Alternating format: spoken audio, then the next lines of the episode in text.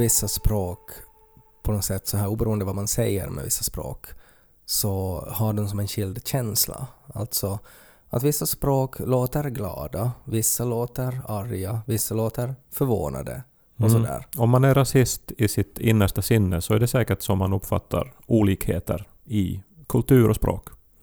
Jag har varit i frissan eh, och jag brukar fara till, till en, en barberare här i östra Helsingfors som är väldigt billig eh, och jag tycker också att den är väldigt intressant alltså för att det, det är liksom en sån här en klassisk barberare alltså att det är oftast liksom män där och, och det är oftast män med mörkt hår och, och, ganska långt skägg som Mm. sitter där. Det är ju intressant eh, alltså hur det i Finland är så pass ovanligt att eh, män arbetar som frisörer eller barberare medan det utomlands är nästan åt andra hållet verkar det vara. Att Mm. om man rör sig i Sydeuropa så är nästan alla barberare män. Ja, det var otroligt rasistiskt sagt. Menar du att för det deras kvinnosyn, att kvinnorna inte får ha arbete då eller? Nej, det var en iakttagelse baserad på erfarenhet Ja, och inte på skulle du sen fördomar. säga att kvinnorna är bara där och, och föder ungar och gör mat då eller? Det har jag inte sagt. Jag har inte sagt någonting om deras kvinnor. Vi pratar bara om barberaryrket här nu. Jag har bara försökt samma, på samma sätt som du förhöll dig till det som jag sa. Men du har ännu inte förklarat vad du menar, alltså riktigt. Jag bara liksom, woke som jag är så måste jag liksom föregå dig i tanken. Ja, Och varna för att nu är vi på farliga vatten. ja när jag var där och eh, jag blev då klippt av en man och så finns det en annan man också som jag vet är ägare där som brukar klippa mig men den här Mm. gången klippte Ä- inte han Är mig. han vit då eftersom du utgår från att han är ägaren till salongen? Jag tror de har alla uh, turkisk påbrå. Uh, näst, Utom ägaren som är liksom finlandssvensk Nej. och står och räknar pengar i hörnet. Nej, jag, jag, jag tror att de alla har turkiskt påbrå. Och eh, eh, jag var där då och klippte och så ringde ägarens telefon och han var arg.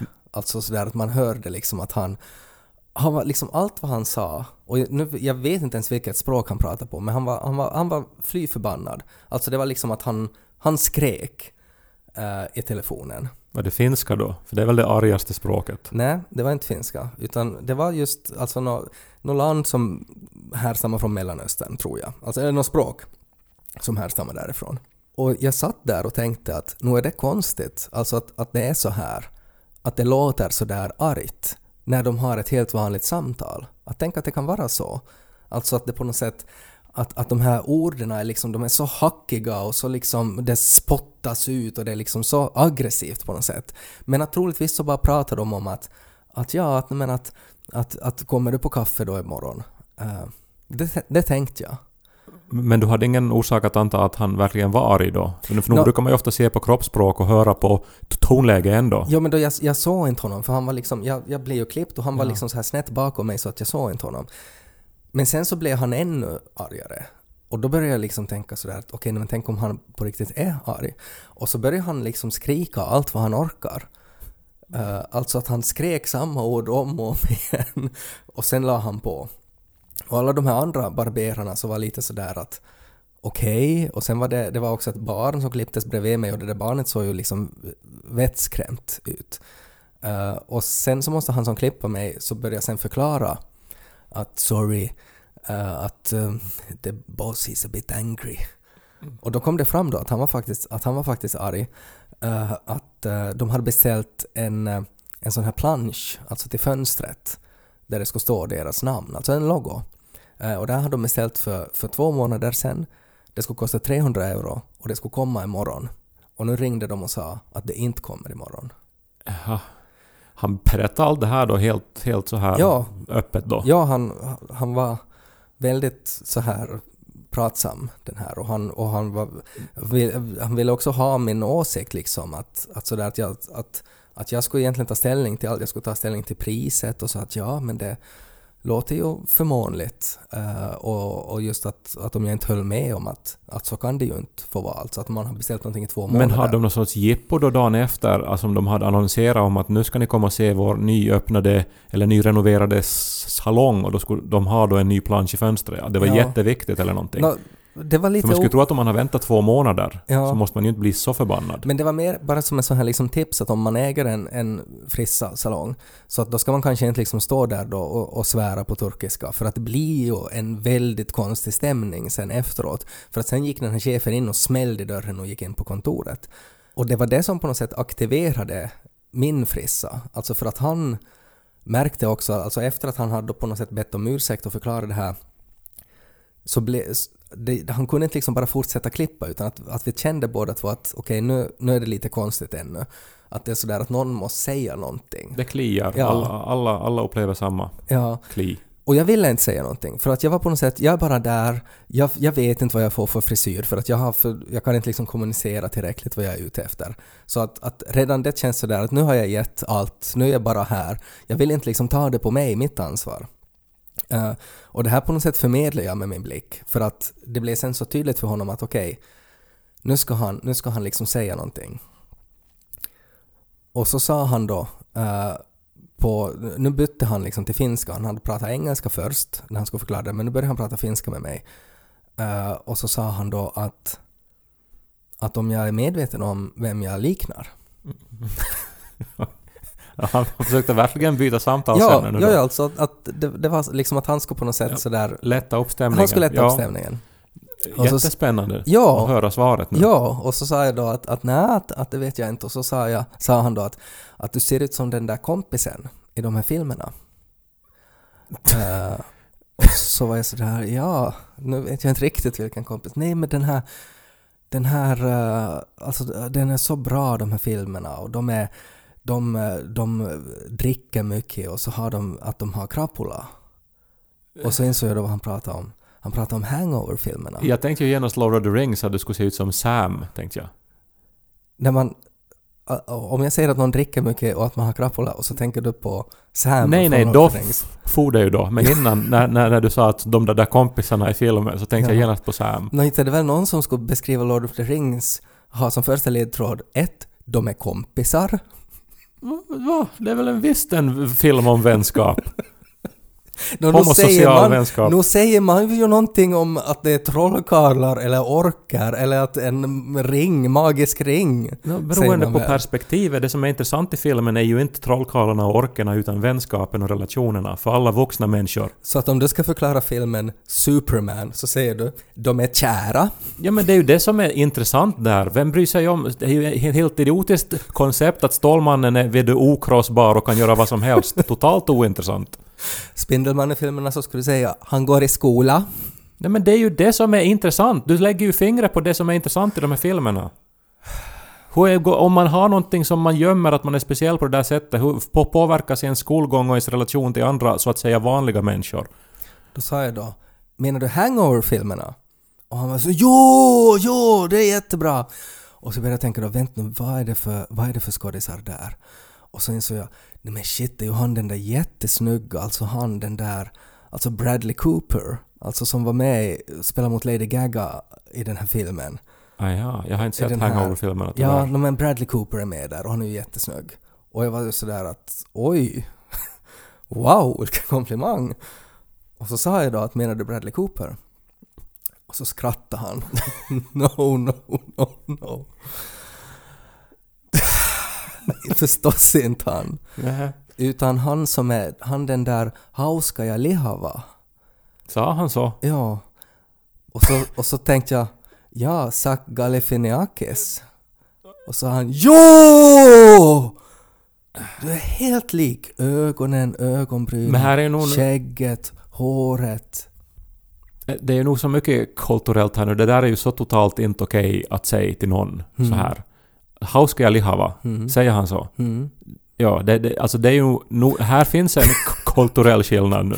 Så där skulle man ju inte säga i Finland, liksom om man, om man är helt infödd i den finska kulturen. Men att han också sa det sådär som ett sätt att liksom lätta upp stämningen, att, att göra det liksom så här kiva. Nej men inte går du väl dit? Alltså det är ju många orsaker att aldrig mera gå till den där frisören förstås. Men det, är Ja. nog, det är nog jättebilligt. Bo och pormo, som talar sitt så popna popcorn så Popp nu denna popcorn så vi Lys på Ted och Kaj Man har ju ett ganska nära förhållande till sin frisör. Eller, inte vet jag, som barn hade jag ju en enda frisör ända tills jag var 15 kanske. Och samma frisör hade mina bröder och också min mamma och pappa. Att det var en frisör. Det var som i USA när man har sin lawyer eller sin doctor. De har ju alltså, de här små byfrisörerna har ju ganska stor makt på ett samhälle. Alltså att de kan ju på något sätt skapa hårtrender nog på ett liksom... Alltså att de har på något sätt större makt än vad kanske en frissa borde ha. Använder de sig av den, alltså with great power comes great responsibility. Att när de då ser det då ett litet samhälle, att de vet ju vem som är de vet ju vem som är de populära och de vet ju, vet ju vem som är de utstötta och de vet ju vem som skulle behöva ha en bra frisyr och vem som klarar sig med en lite sämre frisyr, tänker jag. Att är det liksom... Borde de då, när de ser att den här fotiskillen kommer och säger nu ska jag ha den här frisyren och pekar på Ronaldo eh, eller någon annan fotispelare och, och, och, och så vet man liksom, alltså i det ögonblicket så förstår ju den här frissan om hon klipper en sån frisyr åt den här killen nu så då skapar hon nu en, en eh, frisyrtrend i lågstadiet. Så var det i mitt lågstadie. Alltså det var den här häftigaste killen så han skaffade då den häftigaste frisyren och sen hade liksom alla pojkar då i turordning den där frisyren. Att borde frissan då istället ha på något sätt utnyttjat sin makt och, och sagt sådär att nej, jag klipper nog en helt vanlig frisyr åt dig och, för att du behöver inte ha mera eh, bonuspoäng i livet. Att hon Eh, skulle vara som en sorts sån här missunnsam psykopat. Som, Nej, nej, inte alls en missunnsam psykopat men en sorts så här som skapar ett ekvilibrium när det gäller eh, framgångar i livet. Alltså att hon istället skulle kunna ha klippt en jättecool frisyr åt någon pojke som, som kanske skulle ha eh, ökat i, i rang om den skulle ha haft en cool frisyr. Ja, men det är ju inte frisyren som gör en populär, utan det är ju populariteten som gör att den där frisyren sen far till alla andra. Ja, att om men- den här icke-populära killen plötsligt kommer där med liksom hockeyfrilla då, eh, så hur trendigt det än skulle, ha varit då om den populära killen skulle ha haft det så, så kommer det ju att få motsatt effekt om den Ja, icke-populära. ja alltså jag, jag förstår att man kan se det så, men jag tror att man kan också, alltså vad är hönan och vad är ägget? Jag tror ju nog att det skulle kunna ge ett litet boost om man inför klassfoto ens skulle haft en, en snygg frisyr liksom. Skulle det här kunna vara en idé till en film? Alltså just eh, att som sådana här oväntade liksom influencers i ett litet samhälle, eller som hur de kan alltså lägga, alltså så split och, och liksom skapa spänning. Mm. Alltså från oväntat håll. Ja, man tänker till exempel om det ska vara något så här stort möte i byn, alltså att man så här funderar till exempel att ska vi nu säga ja till vindkraftverk eller inte? Eh, och så, så har det blivit liksom så här uppdelat 50-50 byn och så sitter de då i en sal att på den här, på vänstra sidan sitter alla som tycker så, på höger sidan sitter alla som tycker så. Och så ska hon på något sätt med hur folk har sina sidbeningar vända. Alltså att man har sidbenen åt ett visst håll och så ska det så här undermedvetet influera en åt en viss riktning. Ja, Alltså jag, jag, jag tänker genast att vill du Satan själv öppnar en frisersalong i ett litet samhälle och liksom börjar alltså hetsa människor mot varandra och Hon och skapar han motsättningar. och hin håle. Det borde ju vara, vara en... Hon och han och De har ju alltid väldigt ja. vitsiga namn. Hell looks. Nej, men alltså någon, det är ofta någonting liksom just med hår, här, hair. I Sverige vet jag att det finns en frissa som heter Lady och Kalufsen. Mm. Ja, men det är ju något sånt här. Men men jag tycker det är jättespännande det här. Alltså, Alltså att, att djävulen öppnar en frissa. ja för det är ju det som djävulen skulle göra. För djävulen Mm. är listig. Djävulen skulle ju inte komma med tunder och brak in i ett samhälle. Nej, och så sitter han där då och masserar hårbotten och bara så oj satan vad skönt djävulen sitter man där då och så, så viskar han sådär hur skulle det vara om du skulle och så, så, så börjar man sen ta konstiga beslut. Har han eget shampoo då också som han säljer? Nej men alltså det är alltså, för det är ju, Frissa får ju höra allt skvaller också. Mm. Och kan ju använda skvallret då Ja, ja. mot de andra. Exakt. Ja. Och eh, då eftersom det är Satan då så förstås har man ju inte bara skvallret utan man, Mm. man vet ju också sådana här djupt personliga hemligheter Mm. och, och, så vidare. Och liksom... Varför, alltså, eh, ba- bara som en kort nu förundran över helvetet. Alltså att om man då har misskött sig i livet så att man då mot förmodan hamnar i helvetet. Varför är djävulen där då och torterar en? Att borde han inte liksom high-fivea en och tycka att man har varit bra? Som har varit en hemsk människa. Nej men djävulen är väl sadist, tror jag det finns en tanke om. Ja, alltså att- njuter av att plåga. Jo men att, att, att det är liksom så... Ja, okej. Jag bara tänker att, för att han borde ju uppskatta en, att man har varit liksom hemsk. Men enligt klassisk kristen tro så hamnar ju nästan alla i helvetet. Alltså det är ju några stycken pälsfarmare i Österbotten som, Mm. som hamnar i himlen. Mm. Och de är ju helt nöjda med den tanken alltså. Att 99,9% av alla människor som har existerat får då torteras eh, i helvetet i evighet. Att det är liksom helt skönt det. Ja, men jag menar bara att det är ju som inte som, som något... När du, du fick det att låta som att det finns en liten risk att man Ja, hamnar i ja, helvetet. ja, men att Du det- är ju så på väg till helvetet. Ja. Jag tycker det passar också att, att djävulen ska ha en frissa för att det finns ju så här voodoo och sånt där så kan man ju också göra jättemycket med tånaglar och andra delar av ens kropp. Och sånt eh, hårrester till exempel. Så att djävulen samlar ju upp alla hårtussar då så kan han ju göra alla möjliga trollkonster med dem. Det är intressant annars, jag var på bokmässan för en månad sedan och t- träffade en massa människor. Och en dag där så stod jag lite avskilt och drack kaffe, hade en liten paus och så, så kom en kvinna fram till mig, ställde sig framför mig och sa ”Jag är din frisör” och, och, och såg glad ut. Ja. Det är ju, då hajade jag ju till, för jag, jag kände inte igen henne. Var det som något så, alltså tog hon fram till ett businesskort då? Nej, att hon- Det var liksom att uh, hon är din framtida frisör. Ja, det, det, det väcker massa frågor, eller det Ja. väcktes en massa frågor. Ja. Dels så, så var det ju uppenbarligen inte så, för jag var ju inte och klippte mig just då. Mm. Och, och det är väl då som man har en frisör. Eller, Mm. Nej, och för sig, det här som vi, vi nämnde då att som barn så hade man ju sin frisör. Men sen Mm. dess har jag ju haft hundra olika frisörer. Ja. Eh, men det här... eh, men sen så minns jag då till, till sist då att eh, när jag flyttade till Helsingfors för typ 13 år sedan, så då var jag inte så bra på finska, så då eh, tog jag reda på var det fanns en finlandssvensk frisör. Mm. Och så gick jag till henne några gånger. Men inte sen dess. Nej, för jag började ju direkt tänka på djävulen, alltså sådär att för att den enda då som skulle kunna vara din frisör är ju den här tanten som du hade i Essie då. Och att hon på något sätt har liksom druckit oskulders blod så att hon har liksom föryngrats och blivit ung och så vill hon komma och säga åt dig att jag är din frisör fast jag nu ser så här ung ut. Det är ju aldrig den man misstänker som är djävulen. Och jag tror ingen har väl någonsin misstänkt frisören för att vara ond.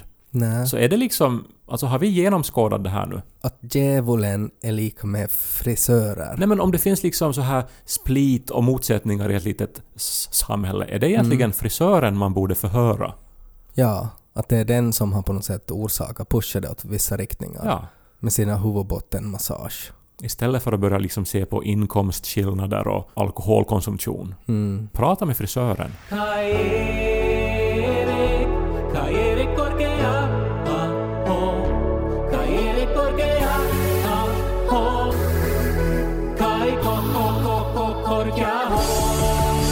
Orsaken till varför jag var till frisören då var för att vi skulle ha en liten, en liten sammankomst eh, på barnreaktionen på Yle. Vi skulle träffas allihopa uh, fysiskt eh, och det har vi, vi har aldrig gjort det sen jag började. Är det en heterosexuell grej att man måste ha en orsak, så- alltså en specifik orsak för att överhuvudtaget fara till en frisör? Nej, jag tror inte att det är heterosexuellt att man tänker att nej, men nu satsar jag lite mera på mitt yttre när jag ska liksom träffa. Att man vill göra ett gott intryck helt enkelt. Men, men, men, Nu, nu får man ju, fixar man väl upp sig lite före man gifter sig också och då vill man ju göra ett gott intryck. Du är ju gift fast du är gay. Så det är väl inte bara heterosexuellt? Nej, men det är ju inte som att man måste ge en orsak varför man får till frisören. Alltså jag tänker, det är ju någonting som alla gör eh, säkert väldigt regelbundet. Jo, jo, men att det var, det var, nu, det var kanske... Jag, bo- jag borde inte ha nämnt det som en Du försvarar dig för dina heterovänner som lyssnar på den här podden så att de Mm. inte ska få någon sorts idéer. Jag har ju också betonat väldigt ofta hur, hur billigt det är liksom. Att, att jag, skulle, jag skulle inte sätta mycket pengar på mitt yttre som heterosexuell man. Men vi var då, hade då en liten sammankomst eh, och det blev ganska sent. Eh, och så blev det taxi hem för mig. Och det är ju då som det blir alltså, det blir en så här konstig stämning för att jag hade druckit lite vin eh, så att jag upplevde att jag var ganska sådär att jag upplevde att jag kunde kommunicera på finska ganska bra. Mhm. Och oftast så tycker jag att det är väldigt skönt att åka taxi i Finland för att det är oftast, det är inte liksom mycket prat utan det är liksom vart ska du, ja nu ska jag dit, okej och så kör man dit. Men att nu var det en, en ung man uh, som liknar faktiskt alltså väldigt mycket Sam från Sagan om ringen. Alltså en sån här, alltså som bara, alltså att han, han utstrålar nu ska jag, jag står till din tjänst. Alltså sådär att när jag gick mot taxin så på långt avstånd så hoppade han ut ur bilen, slet upp dörren och bugade sig när jag kom in. Han bugade sig på riktigt. Alltså att huvudet ner. Alltså som en, en samuraj. Jag är rädd för det här nu för att du har just då precis dagarna innan då lärt dig uttrycket hauska lihava på finska och du är ju Mm. en sån här att när du får höra liksom nya ord Ja. så, så då anv- använder du dem för att det känns bra då att kunna finska. Nej men jag... Sa du till honom nu att han var haus... Nej, nej, utan jag känner mig sådär att men om, nu ska jag vara Hauskaja Lihava, liksom att jag ska vara tillmötesgående. Det här ska bli en, liksom en bra taxiresa. Jag har haft en rolig kväll. Han är väldigt så här att det här, det här kommer att bli, det kommer att bli jättebra. Det var bekväm bil och det var varmt och skönt. Det var väldigt kallt. Och vi pratar mycket om hur kallt det är. Och det är ganska svårt att diskutera temperatur på finska för att det är mycket så här packanen och, och siffror och sånt där som gör att det är liksom svårt. Så det blev en hel del ninpä men att det liksom det funkar jätte, jättebra. Uh, kommunikationen flöt på bra, helt utan problem. Uh, och, och det var mycket, och sen svängde vi in här vid Nordsjö, det var mycket diskussioner om hus och hur det var förr i tiden och ja, det här är ju, nya hus finns ju här också, så här väldigt allmänt. Och att jag, jag ansträngde mig.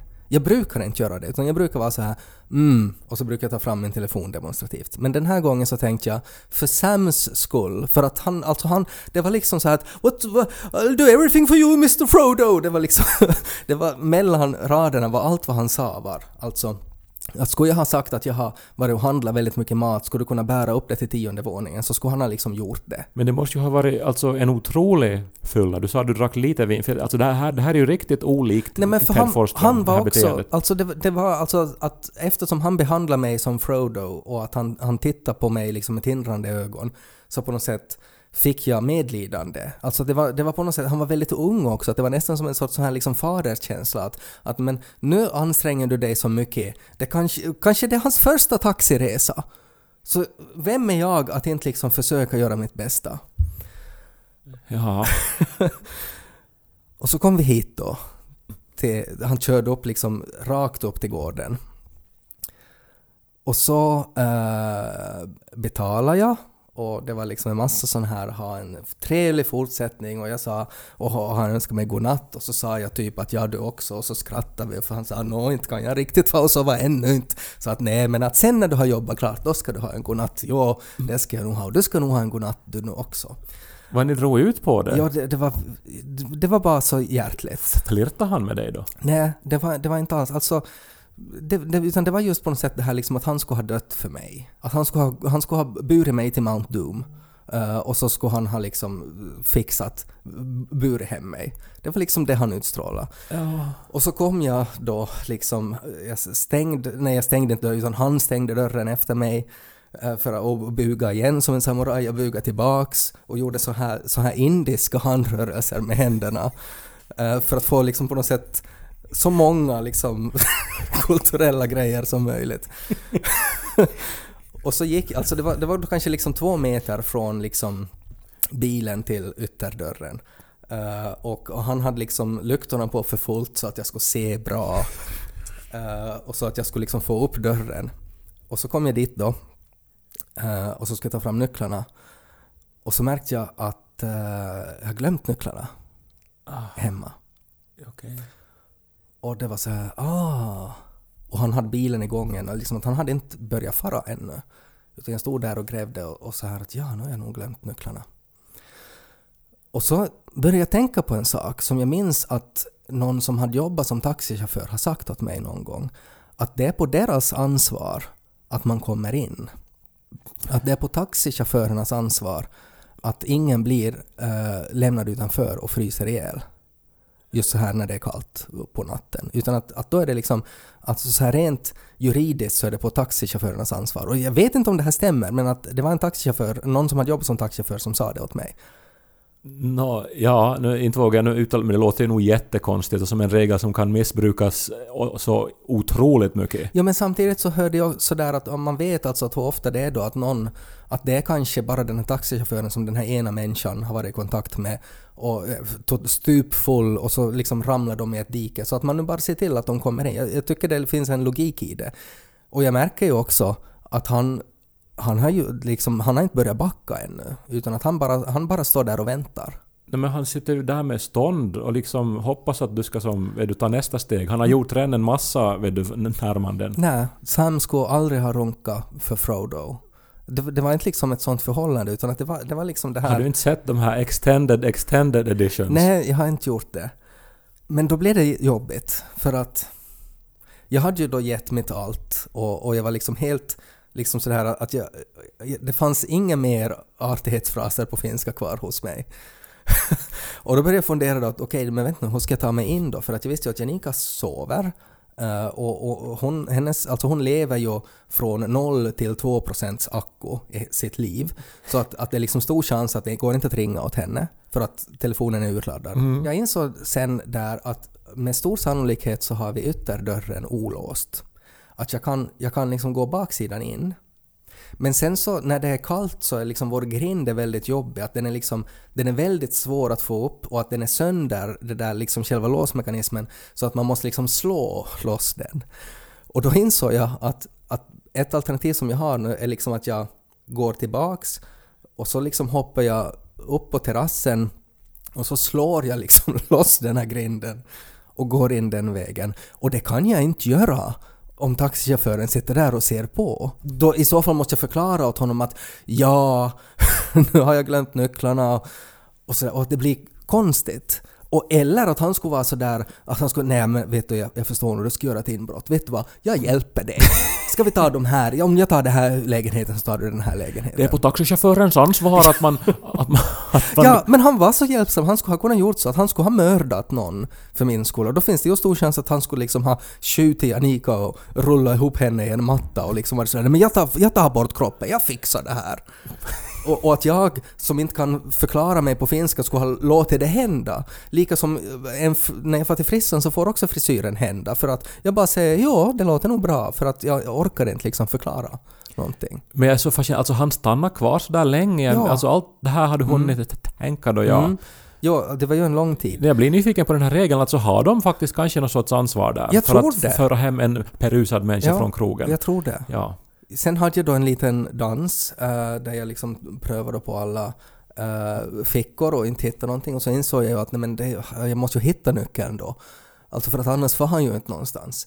Uh, så då fejkade jag att, att jag hittade nyckeln.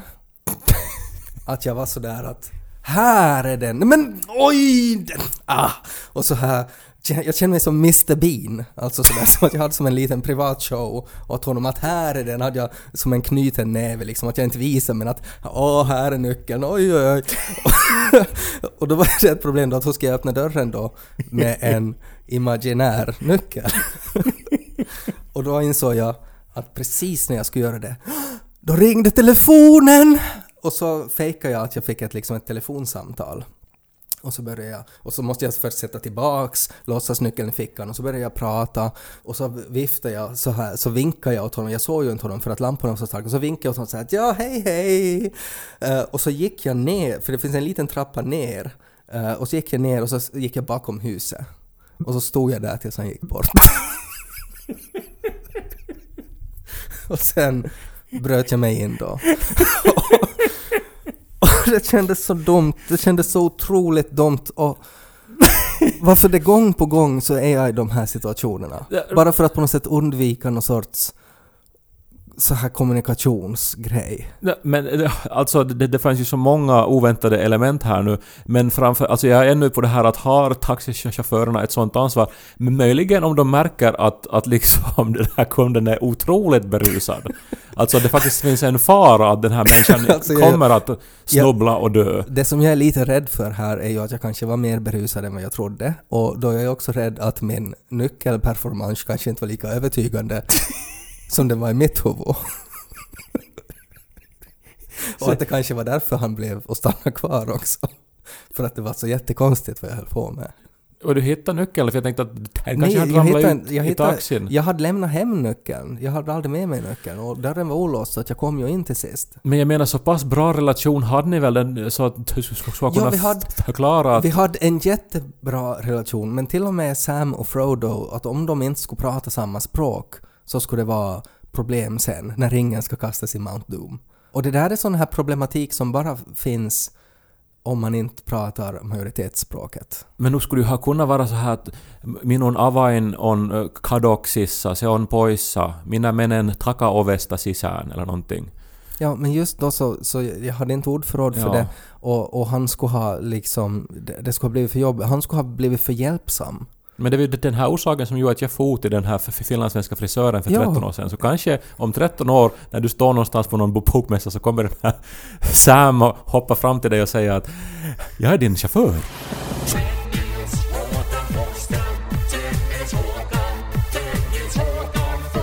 Innan vi avslutar dagens podd så ska vi komma med ett uh, anmälningsärende. Mm, viktig information. Ja, det är nämligen så att Yle har lite ändrat sina policyn, eh, vilket kommer att eh, inbegripa att Ted och Kai-podden kommer från och med årsskiftet att vara en exklusiv podd för Yle Arena. Ja. Och det här betyder att på andra ställen där man kan lyssna på den här podden, som till exempel Spotify eller iTunes eller andra ställen där den här podden finns, så de här ställena kommer, det kommer inte att finnas något mer.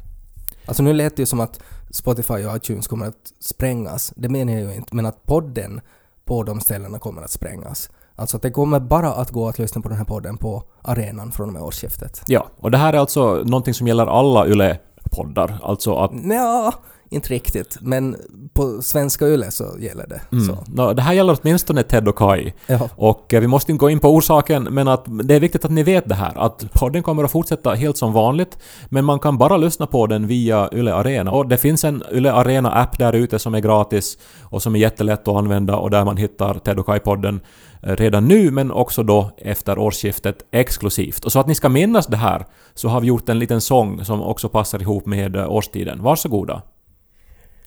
På arenan, på arenan, Ted och Kai finns på arenan. Från den första januari finns Ted och Kai på arenan exklusivt. Ted och Kai, Ted och Kai,